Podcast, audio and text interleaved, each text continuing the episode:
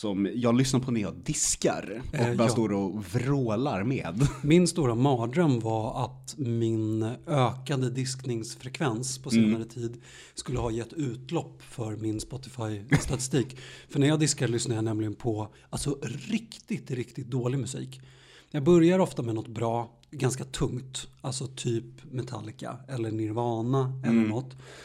Men sen går det vidare till att jag måste ha något mer, alltså någonting som täcker alla känslospann eftersom jag hatar att diska, det är det värsta jag, det är det värsta jag vet. Så jag behöver liksom, alltså jag behöver både skammen från att lyssna på någonting jag inte borde göra med den känslomässiga releasen av att älska det. Så att till exempel brukar jag lyssna på Poison med Alice Cooper. eh, jag brukar lyssna på Pour That Cherry On, eh, Pour some sugar on me. Brukar jag lyssna på. Jag brukar lyssna på... She's ehm, my cherry pie. Nej, den är för dålig. Eh, men, jag brukar, men jag brukar lyssna på, eh, vad heter det då? Eh, alltså eh, Mötley Crues hit.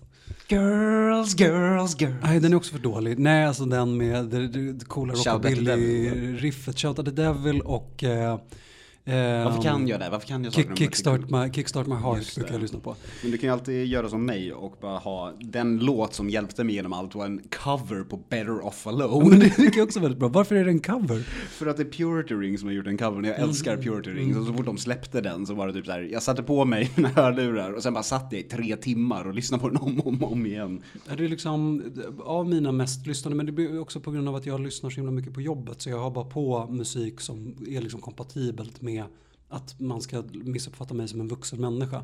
Eh, så det skämmigaste som kom var ju liksom de, alltså, de kristen gråt country, typ.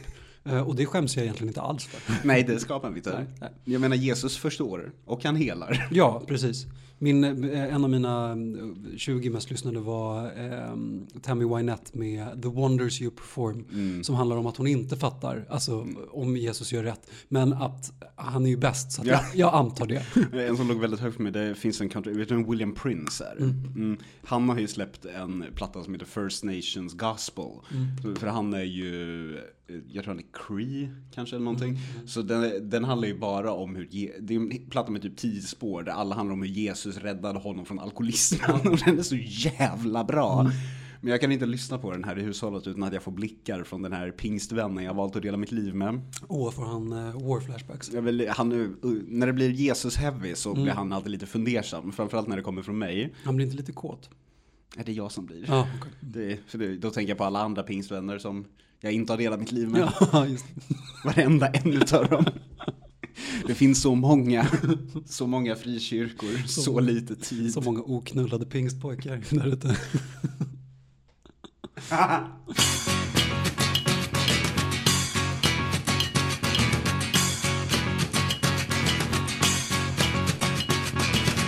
Välkomna till det trettionde avsnittet av Killgruppen. Trettionde? Det är trettionde. Fyller vi jämnt? Ja, det är jämnt va? Ja. ja jag kan ju inte matte. Eh, jag och Johan är här och med mig har jag Rasmus. Goddag. Eh, vad har du gjort sen sist? Fyllt 30. Grattis i efterskott. Jag har också likt podden fyllt jämnt. Ja. Ja. Eh, tack så jättemycket. Mm. Mm, det var... Hur var det? Eh, det var, alltså det, det blir ju inte med, i och med eh, det liv vi nu lever Mm. i denna pandemi så är det ju ganska omöjligt att göra någonting. Jag hade lite fir faktiskt. Vi var ehm, fyra pers på en middag. Mm. Eh, varav en person inte går att konstatera som min närmaste, närmaste släkt. Liksom. Så att jag var um, klädsamt bakis när jag väl fyllde sen. Mm. Eh, och det kändes väl bra att vara lite avdomnad och ha lite kemisk ångest så man inte behöver ha ångest på riktigt. Liksom. Ehm, jag har alltid varit ganska duktig på att skilja på ångest och ångest. Ja. Eh, Men man måste, man måste veta liksom var det, varifrån den kommer. Precis, alltså det finns en otrolig trygghet i att både i att tända av och i att vara bakfull för mig. Mm. För att det liksom, jag mår ju inget bra. Men att bara att man kan separera den grejen. Ja, det finns en anledning för det. Precis, precis. Och det gör också att det det blir som att så här, jag vet inte, mina synapser funkar så himla enkelt. Att det är verkligen, då kan jag bara bortse från alla riktiga problem. Ja. För att jag mår redan så dåligt, jag bara lägger mig i den lilla offerrollen och bara gosar liksom. Ja, men det förutsätter jag att du tänder av från någonting som, ja men här riktigt dåliga, typ e- dålig ecstasy. Bara så här, all Ja. glädje. Chack är väl den värsta Ja, avtändningen det är inte kul. Eh, men, Lyckligtvis har man aldrig, vad heter det, vad fan, har man aldrig tänt av från ketamin? Nej. Det verkar vara en mardröm. Jag trodde jag Nej. skulle klara av att ta mig ur det. Nej, nej, nej fy fan alltså. Jag har aldrig tagit några psykedeliska droger heller. Jag vet inte hur det är. Det är inte så mycket. Det är, men det, ja, nej, det är också den här mysiga känslan av att falla tillbaka in i verkligheten. Eller? Mm, Ja, alltså att allting sakta men säkert blir normalt. Mm. Det låter tryggt ju. Ja, fast jag gillar inte, jag, är- jag är sånt kontrollfreak, Mm. därför är knark inte min grej. Nej, jag tror också att jag skulle bli bananas av att inte förstå vad det är som är verkligt och inte. Ja. Inte alls så säker i mig. Det är därför jag gillar att vara bakis, då vet jag. Ja, Eh, nej men så att, eh, jag, jag vet inte, det, alltså, det är klart att det är ett så här stort nedslag i ens, eh, i ens berättelse, i ens tillvaro, liksom, att, man, att man fyller jämnt. ja, Eh, men i och med att det inte finns något liksom, klart före och efter, eftersom man inte kan fira eller något sånt där, så blir det ändå bara, det blir ganska monotont ändå, så jag har inte känt så mycket Nej. kring det egentligen. Det får, det får vara som det är. Men eh, som du ser så har jag utsvängda jeans. ja. Det är den 30-årskrisen jag kostar på mig. Ja men det kan jag ändå acceptera. Jag har ju också ett par som tyvärr har gått sönder nu men som jag använt större delen av året. Mm. Så jag är helt med på det här tåget. Jag tänker att jag alltid velat ha det och nu tror jag att jag är mogen att ha det. Utan att liksom, ja men det här är femte dagen i rad som jag har de här. Jag Mm. tänker ändå att det är, nu har jag, har jag claimed dem. Eh, annars brukar jag alltid försöka en gång om året skämmas ihjäl och eh, sen inte ha det på ett år. Liksom. Men nu är, jag, nu är jag 30 bast, nu är jag mogen och klär mig som en cowboy om jag vill. Ja, vi får se om du får någon så här ordentlig kris som jag fick när jag skaffade mustasch förra året. Jag har redan börjat fundera på det faktiskt. Ja, Eh, Det räddas av att jag är så ful så att jag klarar inte av att ha det mer än ja nej dagar. du ser ju anskrämlig ut. Du, Nej, men- du före detta modell. Nej men jag, alltså i mustasch så ser jag verkligen ut som, alltså jag ser ut som en, eh, jag ser ut som en dålig utklädnad bara. Clark Olofsson. Ja, eller alltså nej men jag, ser- jag ser ut som någon som har gått på ett murder mystery party liksom och klätt ut sig till Poirot. Jag, det är verkligen helt för jävligt. vad, vad har du gjort sen sist? Vad har jag gjort sen sist? Eh, varit eh, support till min pojkvän då som är i slutfasen av förbereda musikhjälpen. Åh fy fan. Ja, det, det är mycket att stå i nu. Det är ju lite annorlunda också i år så att säga. Mm, mm. Mm, så de är ju, alltså det är ju hela tiden think on your feet, ändra saker, möten hela tiden, jobba över en miljon timmar. Mm. Och då finns jag där och eh, har middag redo typ. Mm, bra. Så man får, man får, man får vara den tryggheten. Det, det låter bra. Mm. Du är the homely power här. Ja men precis, jag går omkring här, bak- bakar kakor om dagarna, förbereder middag. Det låter ju som the dream. Ja det är det fast jag vill inte det heller. Nej. Nej. por, por favor. Ja, jag förstår. Eftersom jag är bög så hörde jag att jag skulle kunna få jobb. Mm, mm, just det. Samhället ljög för mig. Det var dags nu. Ja. Nu kan ni till och med få ett arbete.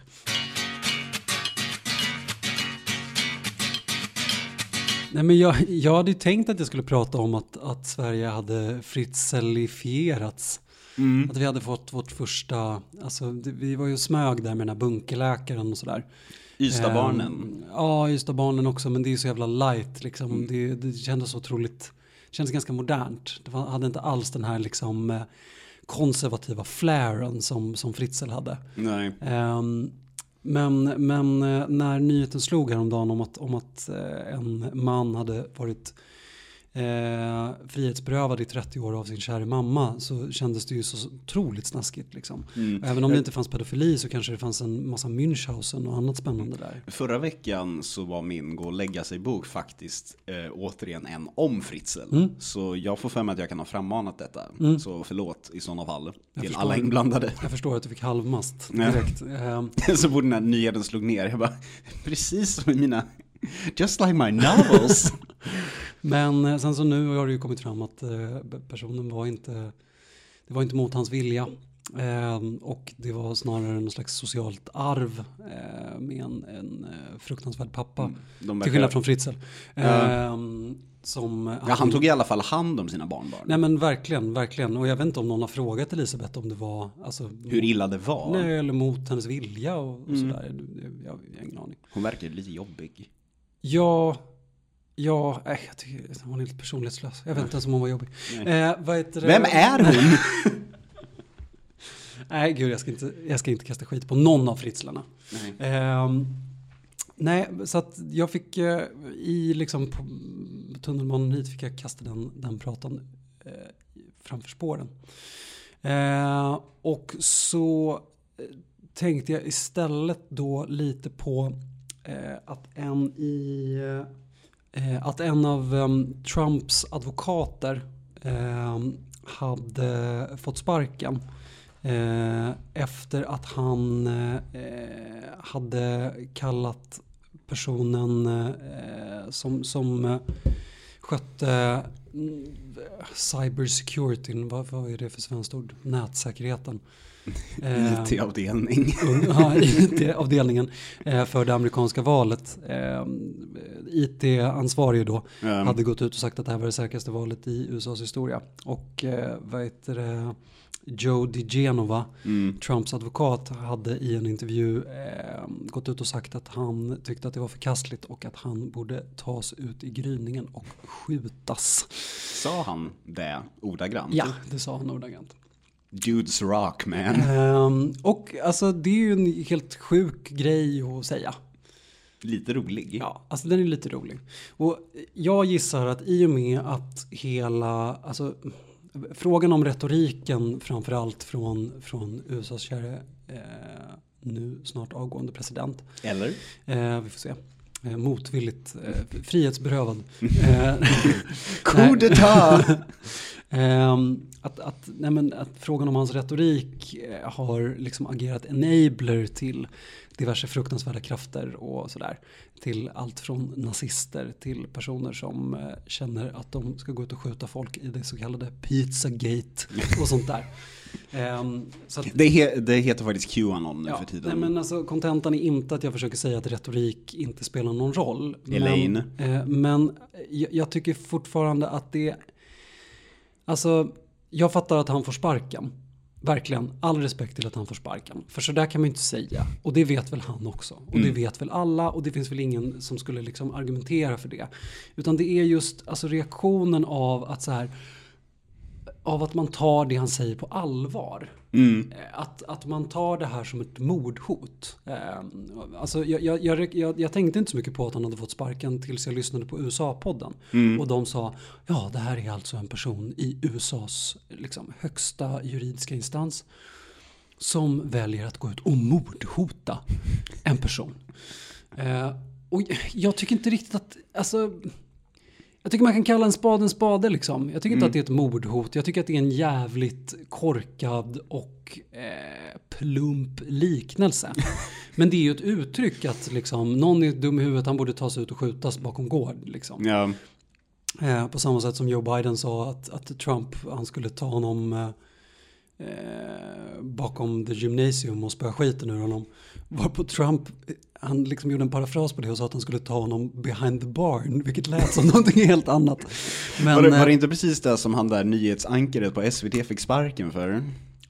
Eh, vad var det för någonting? Han som eh, la upp sina sextapes online. Mm -hmm. Och eh, det var väl under metoo han åkte ut med badvattnet. Ja, det var in the gymnasium tror jag.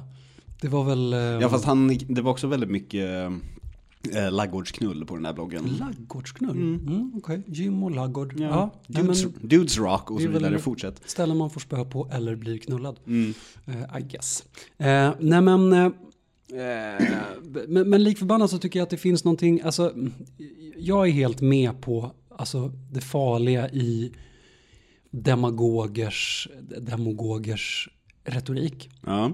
Och att det reproducerar eh, vad man skulle kunna se som olika sanningar och sånt där. Men jag tycker att det är eh, otroligt obehagligt när de krafterna som, som jag tycker mig stå bakom, alltså någon form av, jag, jag vet inte vad det är, jag ska inte säga... Vi är alla Bernie Bros. Ja men inte PK-värld eller, alltså jag, jag, vet inte vad jag skulle säga att jag hänger mig till för, för kultur liksom. Gnällvänstern, ja, men, det är min kultur i alla fall. Om, om vi bara gör det helt svart på vitt och delar upp det i någon slags rimlighet och orimlighet. Liksom. Mm.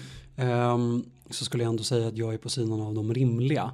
Um, och jag tycker att det är jätteproblematiskt att man, att man inte klarar av att höra saker utan att det eh, utan att det bara blir som att man tar helt ur sitt sammanhang. På Man tar sättet. exakt allting bokstavligt Allting hela tiden bokstavligt. för att skapa fake outrage. Ja. Nej, men det fick mig att tänka på, på moderaten som fick sparken för några år sedan när han eh, Var det fitta eller hora han kallade honom? Hora kallade han eh, Annika Strandhall. Ehm, vilket ju i sig, alltså hans outrage kom ju från ett, ett liknande fenomen. För Annika Strandhall hade, hade då ehm, i en tweet sagt att man borde omvärdera om män ska ha rösträtt i USA. Jaha, var det den? Ja, och då tog han det som att så här, herregud, fy fan vad sjukt att du säger det här. Tog det på alldeles för stort allvar, kunde inte kontrollera sina känslor och råkade i live-tv säga, kalla Annika Strandhall för hora. eh, och, nej men, och, jag menar Annika Strandhalls, liksom hennes, heter hon Annika Strandhall eller gör jag bort mig nu? Annika Strandhäll. Hell, ja. Eh, nej men eh, hennes, hennes tweet var ju så uppenbart ett skämt. Eh, att det inte gick riktigt att sätta henne på plats för det. Även om han hade velat. Liksom. Mm. Medan hans var så plumpt och eh, just det ordet är så stigmatiserat att det liksom inte, det, det kan man, inte, man kan inte använda det. Och igen så tänker jag att det är helt självklart att alla ska få sparken. Man har inget förtroende för en person som är så urbota korkad. Men det är inte att man inte har förtroende väl för en person som säger ordet hora. Alltså jag tänker att i slutna moderatrum, och det borde alla veta, så är det Mm. klart som fan att man kallar folk för sossehoror. Eller sossemongon. Eller, Ibland alltså- gör till och med jag det. Nej men ibland gör jag det med. Alltså, och jag tycker, inte, alltså, jag tycker inte att det är så farligt egentligen. Alltså, jag fattar att det finns ord som, alltså, som man absolut inte vill säga, får säga. Men det känns som att n-ordsdebatten, som Mm. man väl kan komma fram till är ett ord som i liksom, största, största utsträckning inte ska användas. Mm. Även om jag hade en lång prata eh, om det i somras också där jag tyckte att jag hade hittat förmildrande omständigheter. Eh, så, så, så känns det som att man har tagit det och applicerat på all form av fientlig retorik på ett sätt som jag tycker antiintellektualiserar debatten. Alltså jag tycker att det blir så jävla korkat allting. Mm. Och det, det känns som att det är, alltså, jag kommer ihåg när min, när min farfar, en av de första grejerna han sa till mig var att det är väldigt svårt att eh, slåss mot antidemokratiska eh, krafter på demokratisk väg. Mm. Eh, och vad han som maoist kan ha menat med det behöver vi inte gå in på.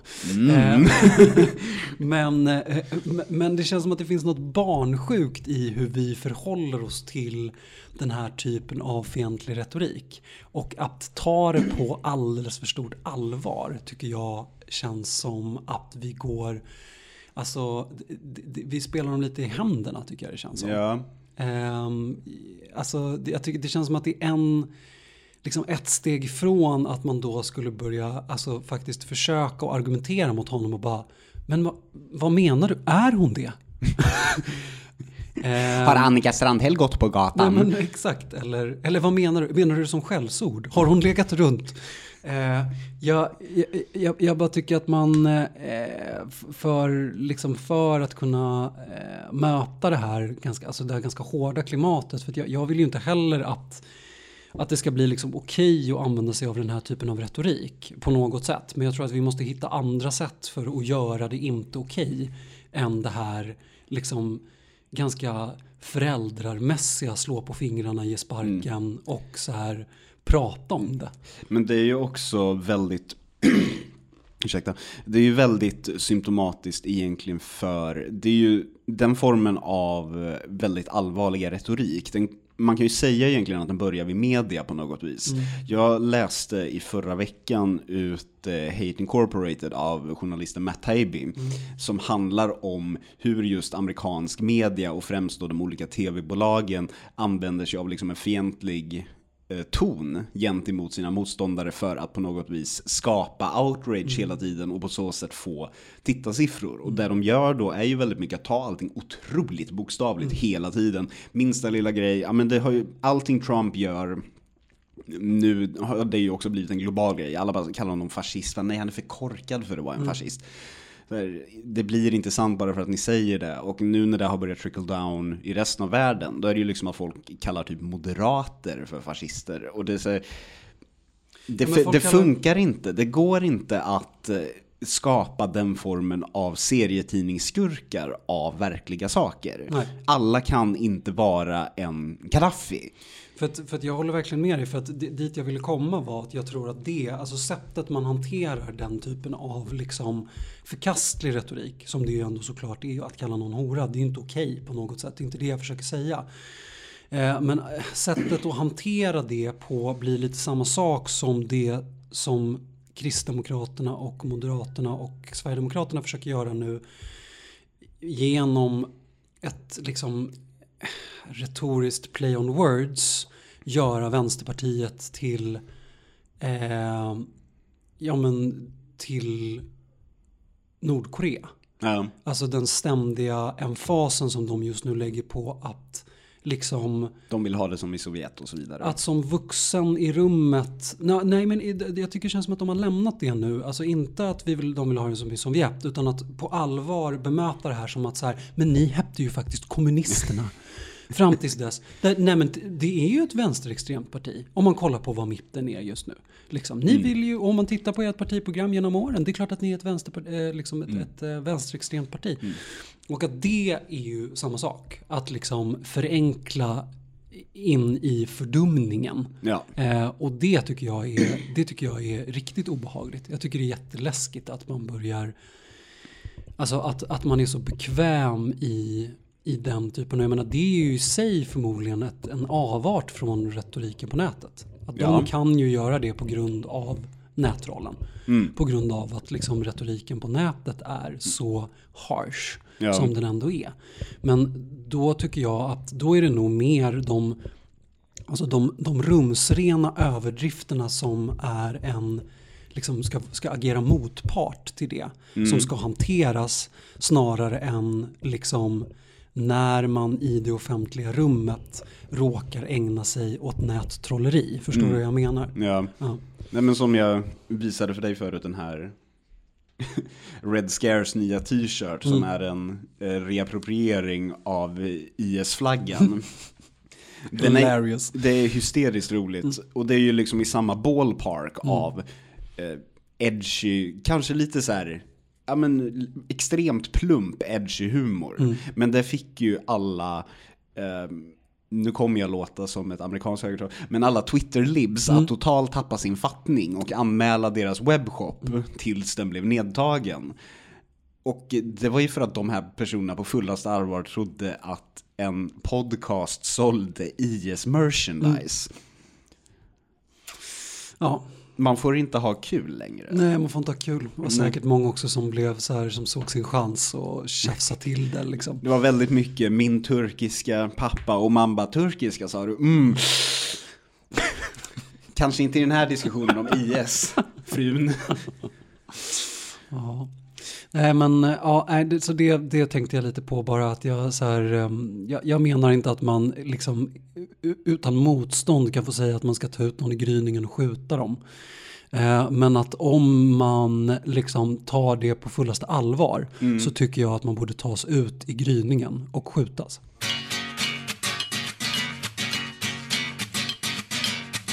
Bimbons återkomst är ett extremt hett ämne just nu. Men jag känner att det ämnet behöver marinera lite.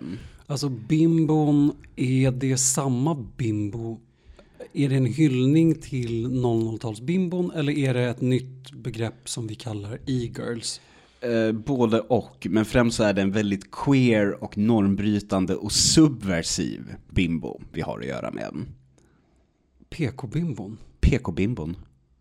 Oh. Du hör ju att detta kräver mer än några dagars research. Eh, indeed. Ja, så då låter vi det marinera till nästa avsnitt helt enkelt. Och då tänker jag komma med fotnötter. Eh, wunderbar. Ja, eh, julen är ju runt hörnet. Eh, oh nej. Vissa skulle faktiskt säga att den redan är här. Ja, men gud, jag är helt fokuserad på chanukka. Ja, ja såklart. Är det extra viktigt för dig att vara religiös i år? Eh, ja. Ja, eh, vi kommer dit. Vissa skulle ju påstå att julen börjar liksom ungefär runt Black Friday, vilket är en start vi väl typ har importerat från de stora kulturimperialisterna egentligen. Eh, precis, för att om du ska köpa billiga julklappar så är det ju då eller aldrig. Ja, Och då börjar man ju känslomässigt tvungen liksom, till planering. Ja, sätt. nej men precis, man måste veta i tid liksom. Och kalkon säljs ju, men jag har inte sett någon köpa den. Så Thanksgiving slipper vi ett år till i alla Ja. fall. Och eh, det är ju bra. Ja. Men jag känner fortfarande att jag måste köpa en kalkon, vi har för liten kyl. Ja, jag har käkat kalkon någon gång. Jag har alltid blivit ganska besviken faktiskt. Mm. Det ser mycket godare ut än vad det är. Nej men jag vill göra en tror jag. Mm. Bara lå, låta den stå i, hur, hur lång tid ska den stå? Typ åtta timmar eller Ingen någonting. aning, jag har aldrig gjort det själv faktiskt. Men åtta timmar man öser den med smör hela tiden. Men jag tror det kan vara gott. Mm. Eh, Men då, denna jul är ju inte heller då som alla andra jular. För det är vår första pandemijul. Mm, mm. Grattis världen! Eh, Och svensken har ju som väntat visat tidigt att vi inte riktigt kan hantera restriktioner. Nej. Och Black Friday var det ju fullt kaos överallt och våra dödssiffror stiger hela tiden. Igår var det ju på ett dygn, typ, var det, 150 nya någonting? Men det var inte det eftersläpp eh, också tror jag? Jo men det är det ju alltid, men Ja. jag blir alltid lite så pirrig när det är Över hundra. Ja men precis, man bara såhär, oh, nu, nu, nu är det på gång. Nu händer det. Jag tyckte också att man såg en helt ny eh, Alltså en, en, helt ny stress i eh, eh, alla ansvarigas ögon idag under presskonferensen. Jag inte, tänkte du på det? Nej, faktiskt inte. Nej, men jag liksom- lyssnade bara på den. Så. Ja, nej men det, det fanns någonting, ja men du, du lyssnade på det men du hörde hur, hur eh, irriterad Tegnell blev på maskfrågan till exempel. Jag menar det kan, man kan ju se det som att han har blivit tvungen att svara på det hundra gånger. Men det är ju också att han är inne och, han är inne och petar på det. Ja, Eh, men kan ju, de kan ju inte riktigt backa nu. Nej. Det går ju inte. nej, det är ju, det är ju just a tip Ja. just nu liksom. Eh, Men jag har ju då likt alla andra tänkande människor valt att inte resa över jul. Mm. Och det blir då första gången på 30 år jag inte firar jul med mina föräldrar. Okej. Jag har aldrig någonsin inte gjort det. Egentligen då mest då blir det ju att jag firar utan min mamma. För hon och min moster är liksom julkänslemotorerna i familjen. Och eh, det har de varit ungefär sedan min mormor och morfar dog för tio år sedan. De tog över den facklan då liksom. Men då är också grejen att vill jag fira jul i år? Vill jag skapa julstämning för mig själv? Jag har ofta försökt komma på varför jag hatar julen så mycket. För det är ju årligen så gnäller jag om julens existens till alla omkring mig. Jag avskyr eh, ljusen, jag avskyr julgranarna, jag avskyr hetsen, jag avskyr framför allt eh, tvn runt jul. Jag tycker att det är vidrigt och eh, jag har aldrig liksom kunnat sätta fingret på varför jag faktiskt tycker så. Så låt oss ta en tripp längs memory lane så ska du få agera min psykoanalytiker. Äntligen. Och så ska vi försöka ta reda på varför jag kanske avskyr julen. Har du ett par runda glasögon att låna ut? Nu kommer du inte se ett jota antar jag då. Då kan jag lyssna ännu bättre. Sätter jag på mig dessa Oscar Eide. Oscar Eide-nummer. Ja men det där funkar ju faktiskt skitbra. You want me to take a picture? Mm. men eh, man kan ju inte bara så här gå igenom varenda jul. Så vi tar och går igenom de jag minns. För det är inte jättemånga fram tills för några år sedan egentligen. Det tidigaste julaftonsminnet jag har, då var jag under fem. Och det jag minns är enbart källarsalongen hos mina morföräldrar i den hemska, hemska bondhålan Fjugesta som ligger utanför Örebro. Eh, Och jag minns att jag var rädd för trappan dit ner. För jag var under fem. Och trappor, trappor är läskiga. Ja, det är obehagligt. Ja, jag får för mig att jag kan ha ramlat ner för den någon gång, men att jag har glömt det. Men jag tänker heller inte fråga mina föräldrar om det på grund av min ingen nostalgi-policy. Det är märkligt. Jag, jag har också ett av mina tidigaste minnen av en trappa som jag har en extrem respekt för. Trapprespekten goes deep. Eh, och det var ju då, när jag var under fem, så det var ju runt 90, ja, men innan 1995. Nästa minne, julen 2001. Jag får Discovery of Daft Punk. Och allting förändras, för det är ju typ världens bästa platta anser jag fortfarande. Det är 10 av 10, full av bangers, har inte blivit dålig sedan dess. Så 2001 var ett bra, Bra jul, ja. bra, bra julklappsår. Jag gick in och satte mig ensam i ett rum med en CD-spelare och bara lyssnade på den. Hur kommer det sig att du fick den plattan då? Hade du önskat det? Jag hade eller? önskat mig den, för jag tyckte att One More Time var festlig. Just Vad jag inte visste var att resten av plattan också var sjukt jävla festlig. Just det, just det. Och det blir bara festligare ju längre man går på den plattan. Nästa, 2004. Här mådde jag faktiskt piss hela jullovet. För jag hade bråkat med blöjnassar i skolan och gick omkring och var livrädd för dem. Eh, Så jag minns egentligen bara tre veckor av rädsla och liksom en dimma. Tror du det här kan ha något att göra med? Förlåta julen? Ja. Ja, nej, mer varför du har varit så dålig i skolan va? Fast det var ju under jullovet. Ja men, Tyvärr så påverkade det här inte min skolgång nej. sen. nej men jag tänker att det var inte för att du var svinrädd för att komma tillbaka till skolan. Så, Jo. Ja.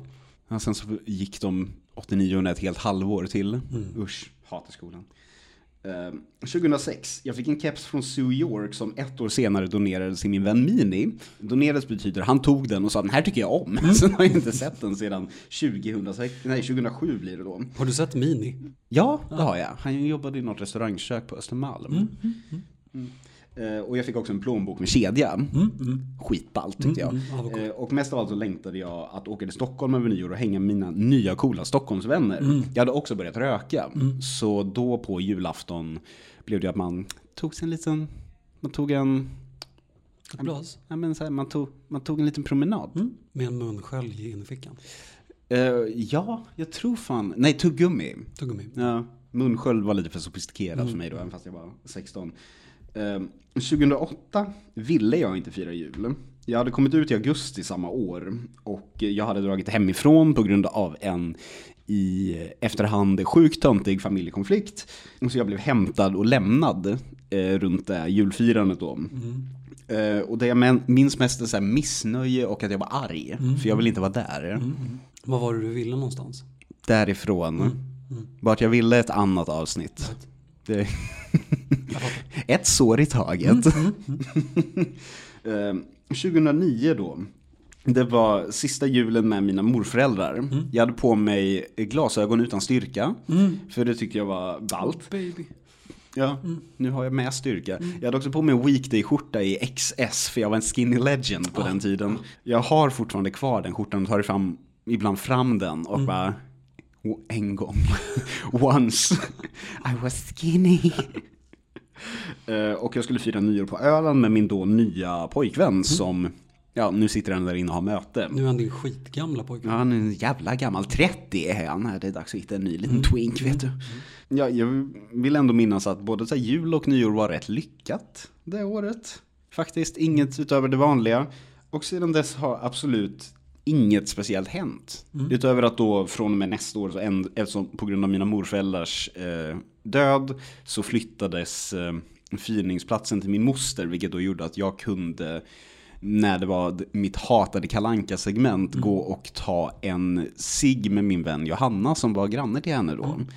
Så det var ju rätt trevligt faktiskt. Att slippa det vidriga kalanka tvånget Det, jag, jag, jag, jag, jag klarar inte av det. Jag tycker det är så tråkigt. Och min mamma tvingar mig. Det är första gången någonsin jag egentligen slipper att man ska sitta vid tvn klockan 15. Mm. Ja, jag förstår att det är en lättnad. Ja, Eh, jag har inget emot det. nej. Jag, jag, jag känner ingenting, men jag har inget emot det. Eh, Johan, du berättade att du har en no nostalgia policy. Ja, Kan du gå in på den? allting började när jag var barn. Mm. Eh, nej men jag tycker inte om när andra personer eh, projicerar nostalgi på mig. n- Där jag inte kan kontrollera narrativet. Mm, mm, mm. Jag, vill, jag vill inte att någon annan ska berätta en historia där jag ingår. Okej, ja. Ja. Jag, jag kan bli, jag kan surna, det är få gånger jag surnar till ordentligt men då några gånger har det hänt. När folk har, minns du när? Är det så? Ja, ja, gud ja. Jag är ju, jag är ju eh, hjälplöst sentimental.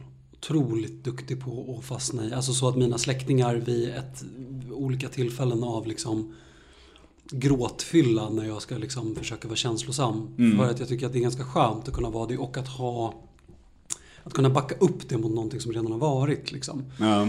Och jag menar för mig så tror jag att det handlar väldigt mycket om att jag hela tiden försöker claima min plats i, i mina familjesammankomster. Eftersom jag är skilsmässobarn och har en massa styvföräldrar överallt och halvsyskon och alla har, alla har en egen familj. Ja. Och jag har verkligen, skulle man kunna se det som två egna familjer.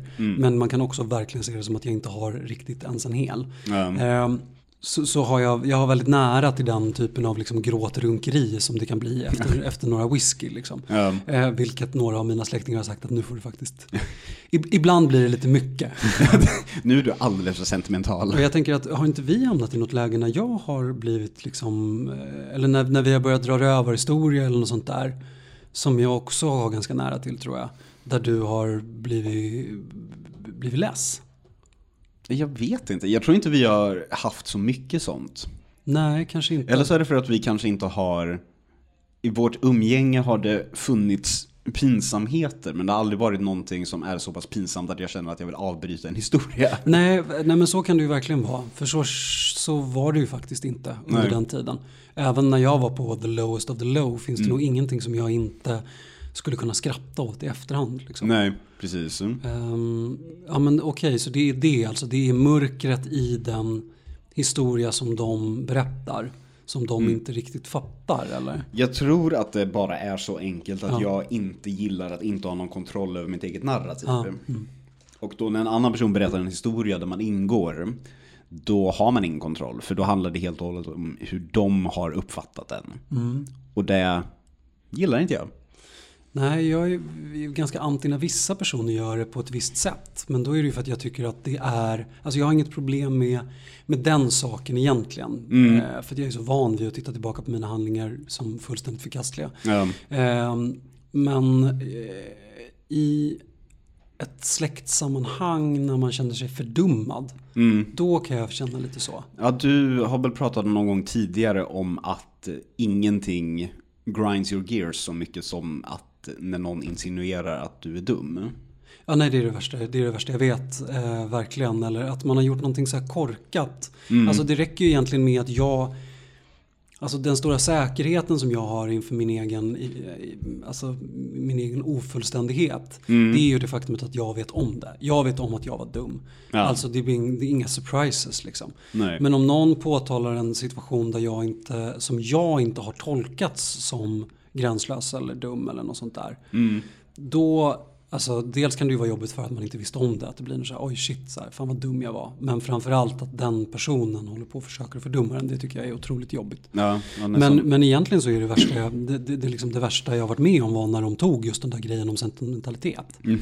När de skulle backa tillbaka till, alltså de skulle backa bandet till det. De var nostalgiska om din Och, och, nostalgi. och börja, börja, liksom, börja racka på att det fanns en sentimentalitet som inte, som inte de gillade att förhålla sig till. Då blev jag skitirriterad. Liksom. Fan, let me live. Ja, men låt, låt en kille gråtrunka.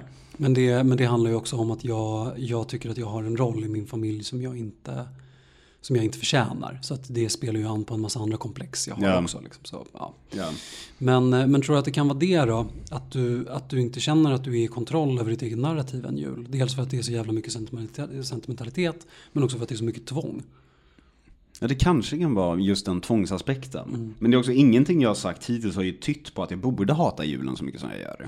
Nej, nej utan det som, har- det som har känts att hatet kommer från är ju, det är ju kontrollbehovet eventuellt. Ja, Och försök att kontrollera tv-tablån under julen, det går ju inte. watch me. Jag har ju, alltså det, bäst, det enda bra med december har jag tyckt årligen var att då har jag en anledning att se Gremlins. Mm. Men det, det har ju också tillkommit nu på senaste år Krampus också. Har du sett den? Mm. Ja, ja. ja den, den är jätterolig. Ja, Jul, julskräck överlag är verkligen, det är min akilleshäl. Ja, ja, ja. Kan det inte komma en ny Black Christmas snart? Den har redan kommit och vi pratar inte om Nej, den. förlåt. Den var, för att uttrycka mig fint, eh, nyliberalt feministiskt dravel. Nej. Ja, den var Åh. inte bra alls. Den var riktigt, riktigt dålig. Stackars. Ja. Men då, på grund av corona kan jag alltså äntligen slippa skiten.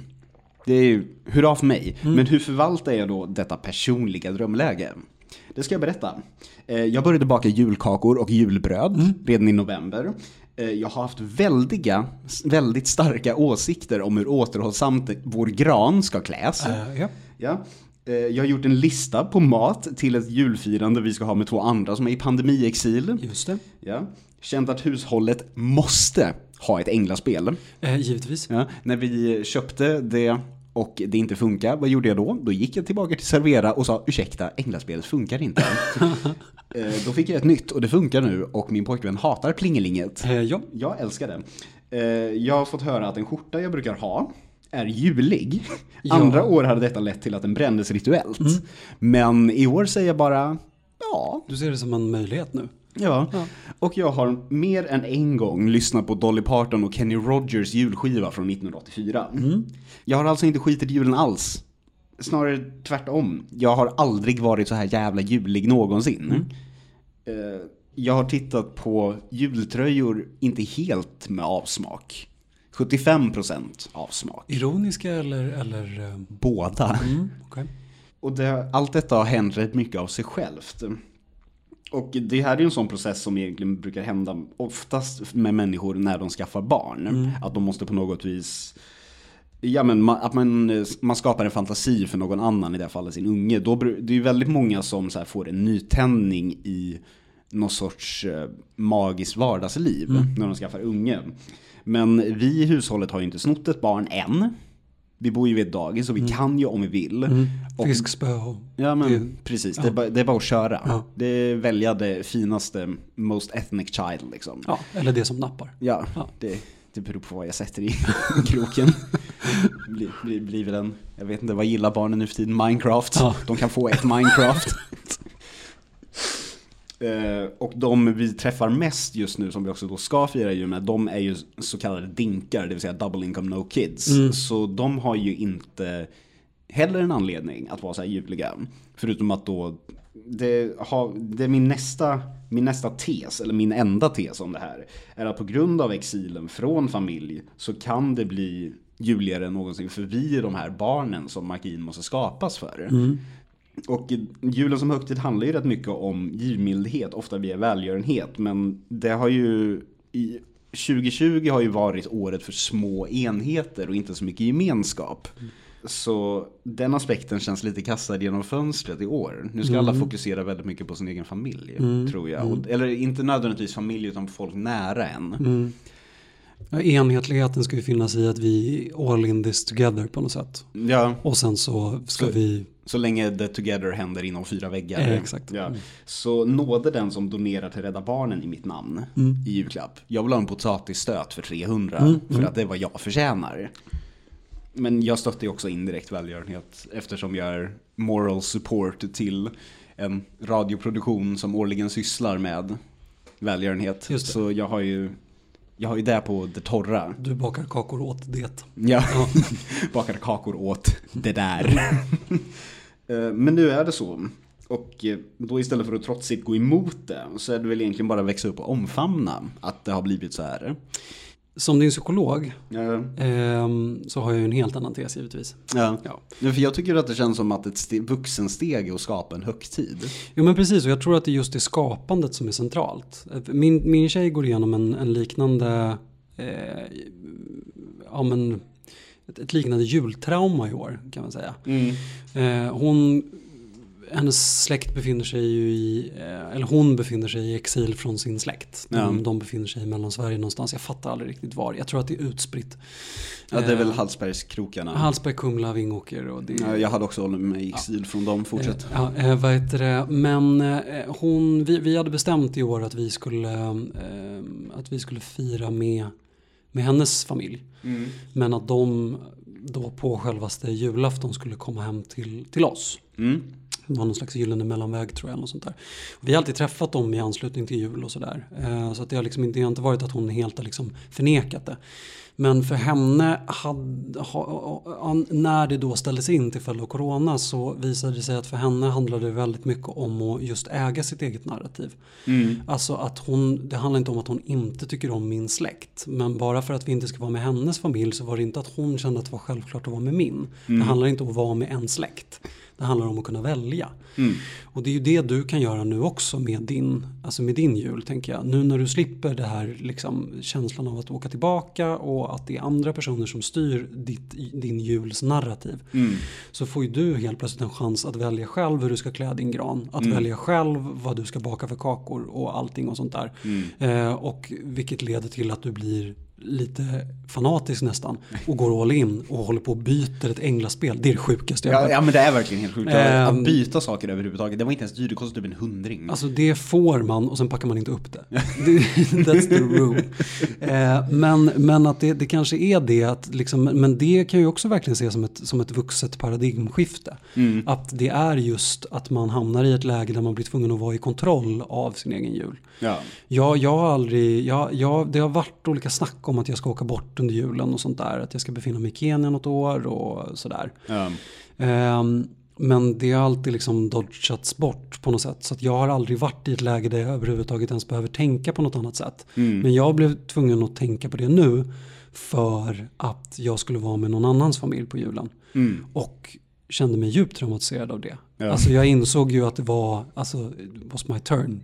Alltså att det var ju bara att backa. Ja. Men jag tyckte att just den okontrollen var otroligt, otroligt jobbig. Mm. Så jul och kontroll verkar ju vara någonting ändå som, eh, som går hand i hand så att säga. Ja. Som två dansande tomtegubbar i ett fult urklipp. Liksom.